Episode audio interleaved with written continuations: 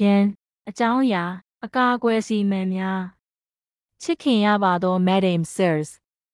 ငါတို့တည်သည့်အတိုင်းဤကာလအတွင်းကျွန်ုပ်တို့သည်ကံမကောင်းကြောင်းမလှစွာရန်ဖန်ရန်ကဖြစ်ပွားသောလုံခြုံရေးသို့မဟုတ်အကြမ်းဖက်ဖြစ်ရများကိုကင်တွယ်ရန်အတင်းကျပ်ခိုင်းစေခံရသည်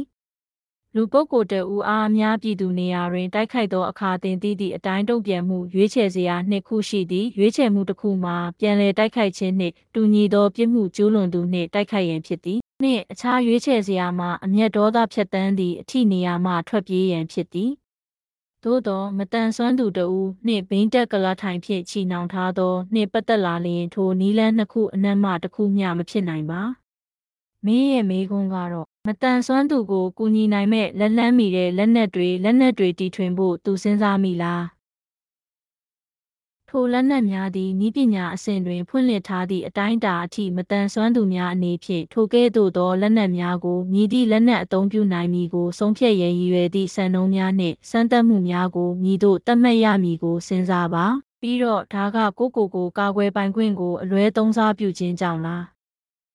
သို့မဟုတ်ကင်းသည်မြည်သည့်အမျိုးအစားနှင့်မထိုက်တန်သောလှည့်စားခြင်းနှင့်အယူစိတ်ကူသို့မဟုတ်ကျင့်ဝတ်နှင့်ညီညွတ်တော်လား